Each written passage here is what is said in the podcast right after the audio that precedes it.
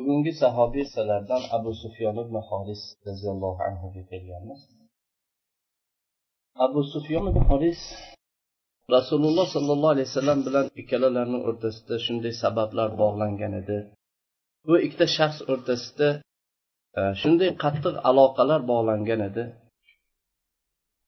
Abu sufyon ibn horis rasululloh sollallohu alayhi vasallamni tengdoshlari tengqurlaridan edi.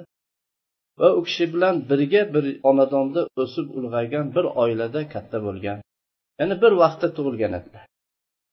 Bir zamonda ya'ni chaqaloqliklari bir vaqtda bo'lgan shunday yaqin tengdoshlardan abu sufyon ibn horisni dadalari horis bilan rasululloh sollallohu alayhi vasallamni otalari abdulloh ikkalalari bir ona bir otadan tug'ilgan shunaqa aka uka amakilaridan ya'ni unisi boshqa bunisi boshqa lasik deydi. Ya'ni bir ota onadan tug'ilgan aka ukalarni farzandlari edilar ikkalalari nabiy sallallohu alayhi vasallamga razoatdan ham aka uka edilar bu ikkalalar. Halimatu sadiya ham rasululloh sollallohu alayhi vasallamni emizgan edilar ham abu sufyon ibn horis bu abu sufyonki yana adashtirib qo'ymanglar bu abu sufyon ibn harb emas makkani kattasi bo'lgan abu sufyon emas. U rasululloh sollallohu alayhi vasallamni amakilarini o'g'li abu sufyon. Bu abu sufyon rasululloh sollallohu alayhi vasallam bilan razoatdan ham aka uka edilar. Halimatu sadiya emizgan edilar. Bularni hammasidan keyin bir joyda katta bo'lib birga tug'ilib shunday tengdosh bo'lganliklarida rasululloh sollallohu alayhi vasallam bilan nubuvatdan oldin nihoyatda qattiq qaynoq bir birlarini ko'rmasa turolmaydigan do'st edilar ikkalalar keyin bir birlariga juda o'xshash edilar. Yurishda turishda tarbiyalarda bir yerda katta bo'lgan shunday o'xshash endi bularni o'rtasidagi bunday yaqinlikni birga katta bo'lganlik amakilarini o'g'li razoatdan akalari aka uka shularni hamma bunday mustahkam bir aloqa bo'lgandan keyin muhammad ibn abdulloh sollallohu alayhi vasallam bilan abu sufyon ibn horisni o'rtalarida bundan boshqalarni o'rtasida bo'lmagan qattiq biz eshitmagan mahkam bir aloqa. Endi bunday bo'lgandan keyin insonni gumon qiladigan insonni taxmini shunday bo'ladiki u rasululloh sollallohu alayhi vasallam da'vat qilgan vaqtda abu sufyon ibn horis odamlarni shoshilib shu da'vatni qabul qilib da'vatga bel bog'laganlari bo'lsa kerak. Keyin rasul sollallohu alayhi vasallamga ergashishlikka odamlarni shoshilganrog'i bo'lsa kerak degan gumon keladi. Lekin ish bu biz kutganni tamom xilofi teskarisi bo'lib keldi. Rasululloh sollallohu alayhi vasallam da'vatlarni ochiq qilib ochiq da'vat qila boshlagan vaqtlarida o'zlariga qarashlik yaqinlarini rasululloh sollallohu alayhi vasallam ogohlantirib bu shirkdan qaytarib tavhidga chaqirgan vaqtlarida abu sufyon ibn horisni ichida ko'nglida rasululloh sollallohu alayhi vasallamga birgina adovat o'ti shu tutashdi. Adovat o'ti yondi endi shuncha kelgan sadoqat adovatga aylandi. Qarindoshchilik tamom uzoqlikka aylandi. Aka ukalik bu zotni da'vatidan to'sishlik va bu haqdan yuz o'girishlikka aylandi.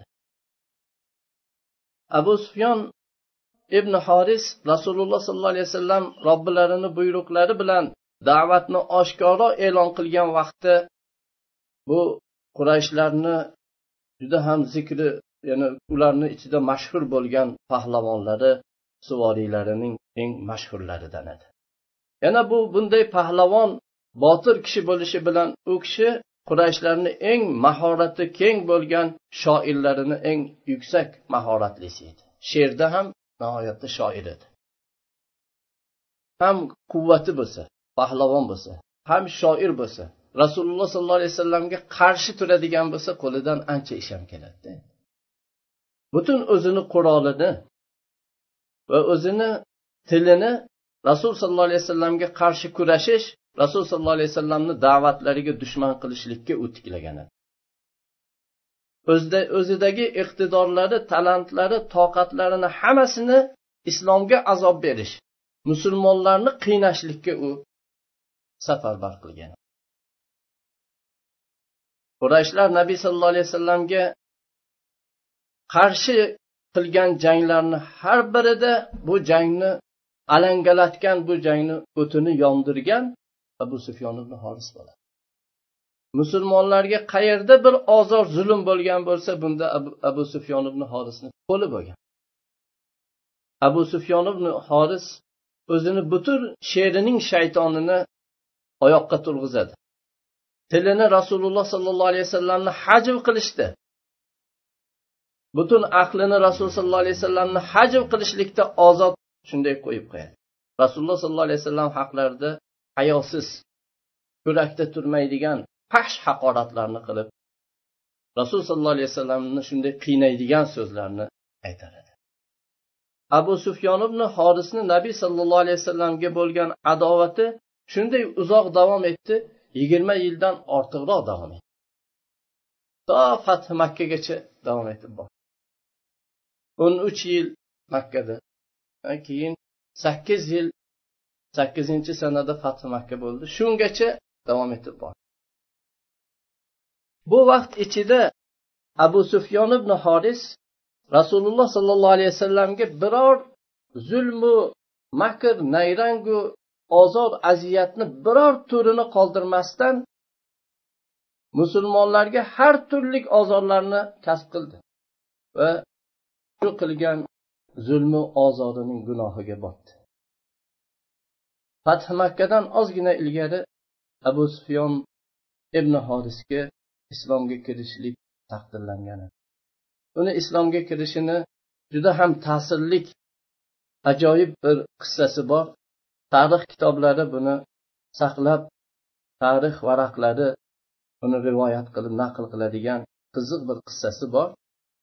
Islomini qissasiga quloq solib biz bu haqda gapirishlikni abu sufyonni o'ziga beraylik.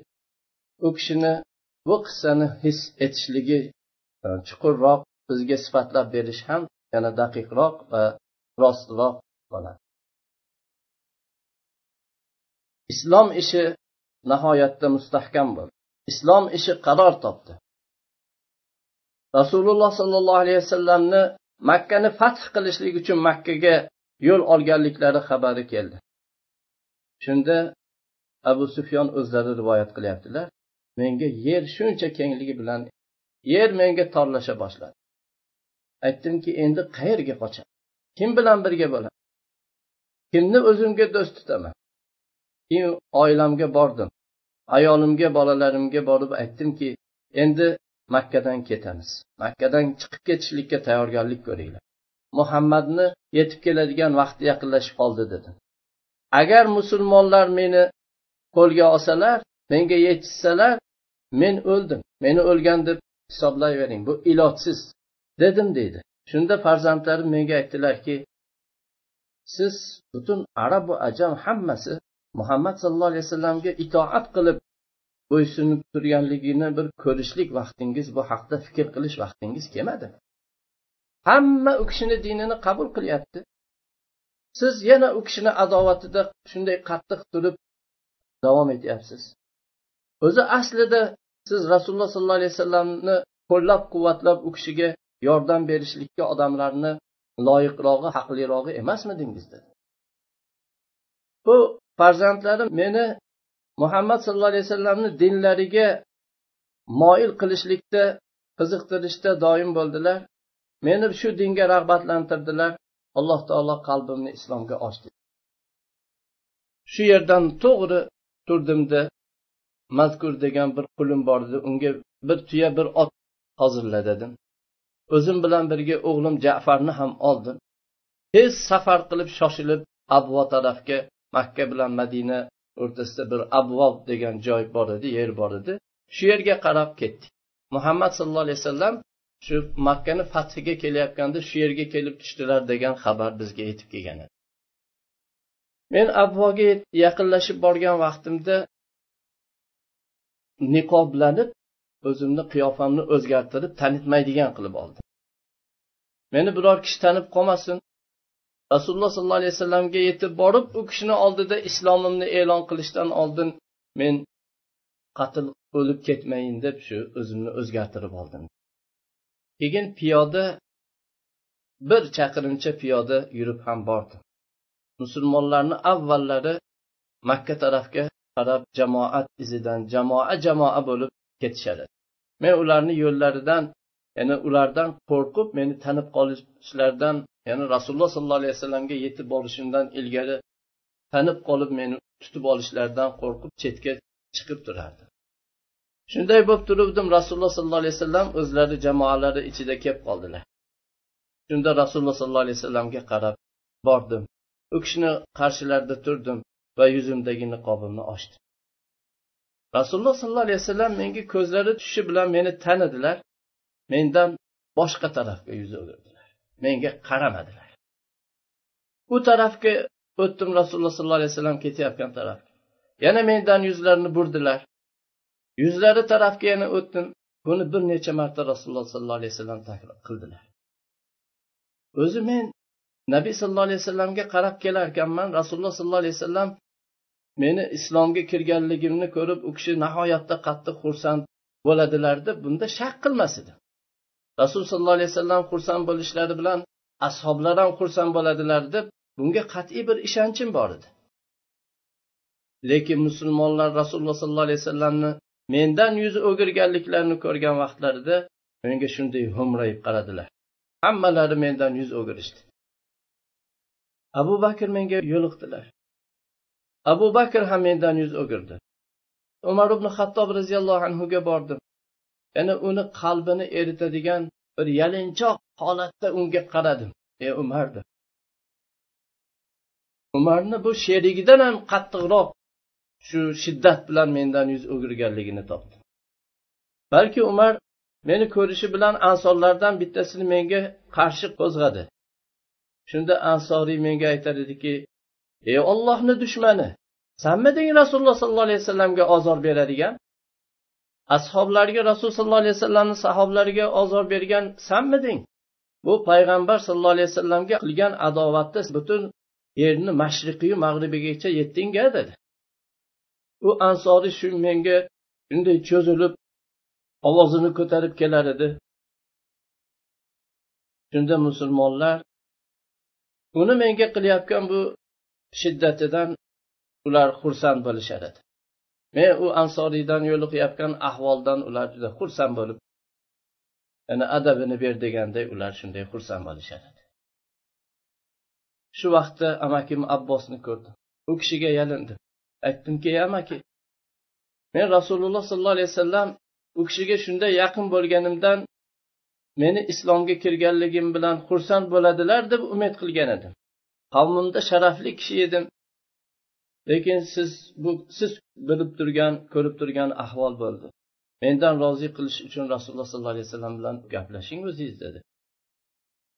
Amakim aytdiki yo'q allohga qasamki men rasululloh sollallohu alayhi vasallamni sendan yuz o'girganliklarini ko'rganimdan keyin hech qachon rasululloh sollallohu alayhi vasallam bilan gaplashmayman. Bir fursati bo'lsa imkon bo'lsa keyin gapiraman. Chunki men rasululloh sollallohu alayhi vasallamni hurmat qilaman va u kishidan qo'rqaman dedi u kishi. Aytdimki amaki unda meni kimga topshirasiz eshitganingdan boshqa gapim yo'q sanga shunda qattiq bir g'am meni qamrab oldi. Meni butun bir tashvish qayg'u meni o'rab oldi. Shunda amakimni o'g'li ali ibn abi tolibni ko'rdim va ishim haqida borib u kishi bilan gaplashgan edim. Amakim abbosni so'ziga o'xshagan so'zni aytdi. Shu vaqtda qaytib amakimni oldiga abbosni oldiga bordim. Aytdimki ey amaki rasululloh sollallohu alayhi vasallamni qalblarini menga burishga qodir bo'lolmasangiz mana bu kishiga ayting shu mendan uni haqorat qilayotgan odamlarni haqorati bilan menga shu gizgizlayotgan menga qo'zg'ayotgan mana bu odamni tiyib qo'ying mendan dedi. U kim ekan menga aytchi dedi. Keyin sifatlarini aytuvdim. Aytdilarki ha u nuaymon ibn horisi najjoriy dedi. Keyin u kishiga odam yubordi. Amakim aytdiki ey nuaymon bu abu sufyon ibn horis rasululloh sollallohu alayhi vasallamni amakilarini o'g'li. U meni jiyanim. Agar rasululloh sollallohu alayhi vasallam hozir undan bugun g'azablanib turgan bo'lsalar bir kun kelib rozi bo'ladilar. Undan tiyil deb odam yubordi. Abbos unga yalinib shunday davom etdi hatto mendan tiyilishga u rozi bo'ldi. Bo'pti endi shundan keyin unga men qarshilik qilmayman dedi. Rasululloh sollallohu alayhi vasallam juhfa degan yerga kelib tushgan vaqtlarida men u kishini chodirlarni eshigida o'tirardim. O'g'lim jafar meni oldimda tik turar edi rasululloh sollallohu alayhi vasallam uylaridan chiqar ekanlar meni ko'rardilar mendan yuzlarini burardilar. Men u kishini rozi qilishdan umid uzmadim. Qayerga borib e, rasul rasululloh sollallohu alayhi vasallam joylashib shu yo'lda bir yerga tushsalar men u kishini eshigini oldida turaverardim. O'g'lim esa meni qarshimda ro'paramda tik turar edi rasululloh sollallohu alayhi vasallam meni ko'rishlari bilan mendan yuz o'girardilar. Mana shu holatda uzoq vaqt olib ketdi. Menga ish juda tang bo'lib man bundan zerikkanim vaqtda keyin ayolimga aytdimki allohga qasamki endi mendan yo rasululloh sollallohu alayhi vasallam rozi bo'ladilar yoki mana bu o'g'limni qo'lidan olamanda yerda yuzimiz oqqan tarafga qarab ketamiz yo ochlik chanqoqlikdan to o'lib ketgungacha shu ketaveraman dedi. Bu gap rasululloh sollallohu alayhi vasallamga yetib borgan ekan ozgina bizga yumshadilar. Keyin chodirlaridan chiquvdilar menga avvalgilardan ko'ra yumshoqroq nazar bilan menga qaradilar. Men tabassum qilishlarini ham orzu qilar edim. Keyin rasululloh sollallohu alayhi vasallam makkaga kirdilar. U kishini jamoasi ichida men ham kirdim. Masjidga kirdik. Masjidga chiqdilar. U kishini oldida hech bir holatda u kishidan ajralmasdan u kishini oldida men ham birga chiqdim. Fath makkadan keyin hunayn kuni bo'ldi. Arablar rasululloh sollallohu alayhi vasallamga bundan oldin hech bir jamlanmagan katta bir jamoat bilan qarshi jamlandilar. Va bundan oldin ko'rmagan tayyorgarligini rasululloh sollallohu alayhi vasallamga jang qilishlikka tayyorgarlik ko'rdilar. Va butun arablar bu tayyorgarlik bu hujumlarni musulmonlar va islomni tamoman yo'qotishlikka qasd qilgan edilar. Rasululloh sollallohu alayhi vasallam ular bilan uchrashuvga ashoblardan ko'p jamoa ichida chiqdilar. Men ham ular bilan birga chiqdim. Mushriklarni jamoasi katta jamoasini ko'rdim. Shunda aytdimki allohga qasamki bugun men rasululloh sollallohu alayhi vasallamga qilgan o'tmishda bo'lgan dushmanliklarimni hammasini bugun yuvaman. Va buni davomida rasululloh sollallohu alayhi vasallamni rozi qiladigan ollohni rozi qiladigan narsani rasululloh sollallohu alayhi vasallam mendan ko'radilar dedi. Bu ikki jamoa to'qnashdilar. Mushriklarni bosimi musulmonlarga qattiqroq bo'ldi va musulmonlar ichida zaiflik sustlik bo'ldida odamlar nabiy sallallohu alayhi vasallamdan tarqalib ketdilar. Va yaqin bizga bir qattiq mag'lubiyat bilan tugashlik arafasiga ham borib qoldik. Bu ish qattiq og'ir bir mag'lubiyat bilan tushishga yaqinlashib qolgan edi. Shunda qaradim ota onam fido bo'lsin rasululloh sollallohu alayhi vasallam jangni o'rtasida bir kulrang xachillarni ustida mustahkam bir salobatli toqqa o'xshab turardilar. Va qilichlarini yalang'ochlab o'zlari va o'zlarini atrofdagi musulmonlardan shunday o'zini oviga tashlangan sherga o'xshab hujum qilib ular bilan jang qilar edilar. Amakim abbos nabiy sallallohu alayhi vasallamni bu hajillarni jilovidan ushlab olgan edi. Men ham borib u kishini ikkinchi taraflarda turdim. U kishini bu taraflardagi joyimni oldim. Qo'lim bir qo'limda qilich bu bilan rasululloh sollallohu alayhi vasallamni himoya qilardim. Chap qo'limda rasululloh sollallohu alayhi vasallamni uzangilarini ushlab olgan edi. Shunda nabiy sallallohu alayhi vasallam meni bu chiroyli jasoratimga qarab turib amakim abbosga aytdilarki bu kim? dedilar. Shunda amakimga gapirish o'rni keldi. Aytdilarki bu sizni akangiz amakingizni o'g'li abu sufyon ibn horis bu. Undan rozi bo'ling ya rasululloh dedi. Shunda rasululloh sollallohu alayhi vasallam mayli rozi bo'ldi alloh taolo menga qilgan dushmanliklarni hammasini olloh kechirsin dedilar bu rasululloh sollallohu alayhi vasallamni roziliklarini roziliklari bilan xursand bo'lganimdan shu qalbim qinidan chiqishga yaqin bo'ldi. Rasululloh sollallohu alayhi vasallamni uzangidagi oyoqlarini o'par edim keyin menga rasululloh sollallohu alayhi vasallam qaradilar. Allohga qasam ey aka dedilar. Oldinga chiqing urushing dedilar. Rasululloh sollallohu alayhi vasallam meni butun g'ayratimni alangalab mushriklarga shunday qattiq hujum qildim ularni turgan o'rinlaridan ularni tarqatdik men bilan birga musulmonlar hujumga o'tdilar. Hatto ularni bir chaqirimcha shu orqalaridan quvib bordik. Har tarafga tarqalib qochib ketdilar. Bu abu sufyon ibn horisni islomni qabul qilish qissalari shu edi. Abu sufyon ibn horis ana shu hunayn kunidan boshlab nabiy sollallohu alayhi vasallamni bu chiroyli roziliklari bilan baxtli bo'lib u kishini go'zal suhbatlari bilan shunday quvonib yashadilar. Lekin bundan keyin abu sufyon ibn horis hech qachon rasululloh sollallohu alayhi vasallamga boshlarini ko'tarib bunday qarolmadilar. Rasululloh sollallohu alayhi vasallamni yuzlarida rasululloh sollallohu alayhi vasallamdan hayo qilib va o'tgan o'tmishlaridan hijolat chekib boshlarini ko'tarolmas edilar abu sufyon o'tgan qora kunlariga nihoyatda qattiq afsus nadomat chekardilar. Ollohni nuridan to'sib johiliyatda o'tkazgan kunlariga ko'p afsus chekardilar. Ollohni kitobidan mahrum bo'lib bunga ko'p afsus chekdilarda kechasiyu kunduzi ollohni kitobi qur'onni tilovat qilib shu qur'onga qattiq berildilar. Va bu qur'on ahkomlarini tushunishlikka qattiq mashg'ul bo'ldilar.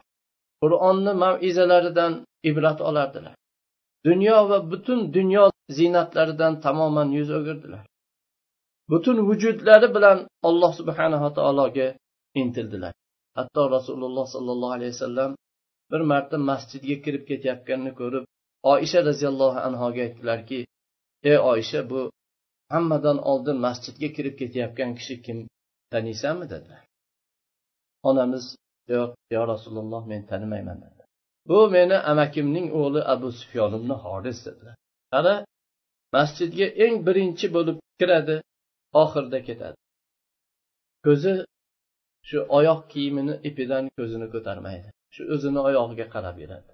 Doim hijolatdan boshlarini egib yuradilar. Rasululloh sollallohu alayhi vasallam dunyodan vafot etib o'tganlarida abu sufyon ibn horis xuddi mehribon ona o'zini yolg'iz bolasini yo'qotgandek qattiq g'am chekdi bu kishi. Bir do'st o'zini do'stini yo'qotib yig'lagandek yig'ladi va muhabbatdan yig'i bilan to'lib toshgan o'zlarini marsiyalarini esda qoladigan marsiyalari bo'lgan qasidalari bilan rasululloh sollallohu alayhi vasallamga marsiya aytardilar. Hasratdan ingrab bu erib ketgan bu insonni eritadigan marsiyalarni aytardilar.